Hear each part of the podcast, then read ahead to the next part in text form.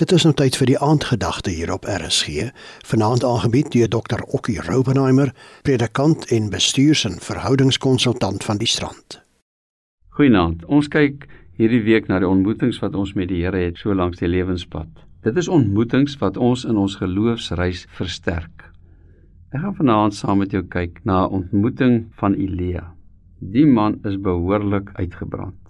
Hy was 'n profeet en hy teen die Baal profete gestoei en Sebel die koningin het hom gesoek om hom dood te maak en dan is hy heeltemal moedeloos. In 1 Konings 19 lees ons: Elia het bang geword en ter wille van sy lewe gevlug.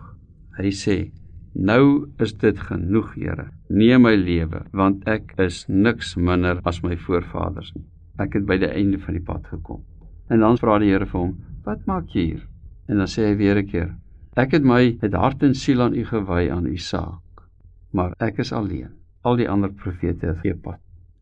En dan sê die Here kom staan voor my. Ek gaan verbygaan op die berg voor jou. Skielik was daar 'n baie sterk wind wat die berg stukkend geruk het en die rotse gebreek het voor die Here. Maar in die wind was die Here nie. Na die wind was daar 'n aardbewing, waarin die aardbewing was die Here nie.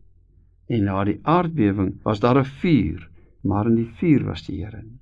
En na die vuur was daar 'n fluistering in die wind stilte.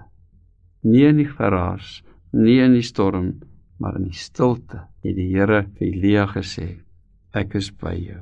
Ek gaan saam met jou. Word stil.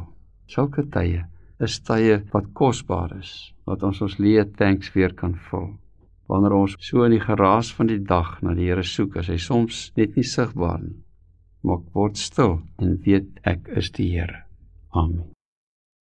Dit was die aandgedagte hier op RSG, aangebied deur Dr. Okkie Robenheimer, predikant en bestuurs- en verhoudingskonsultant van die Strand.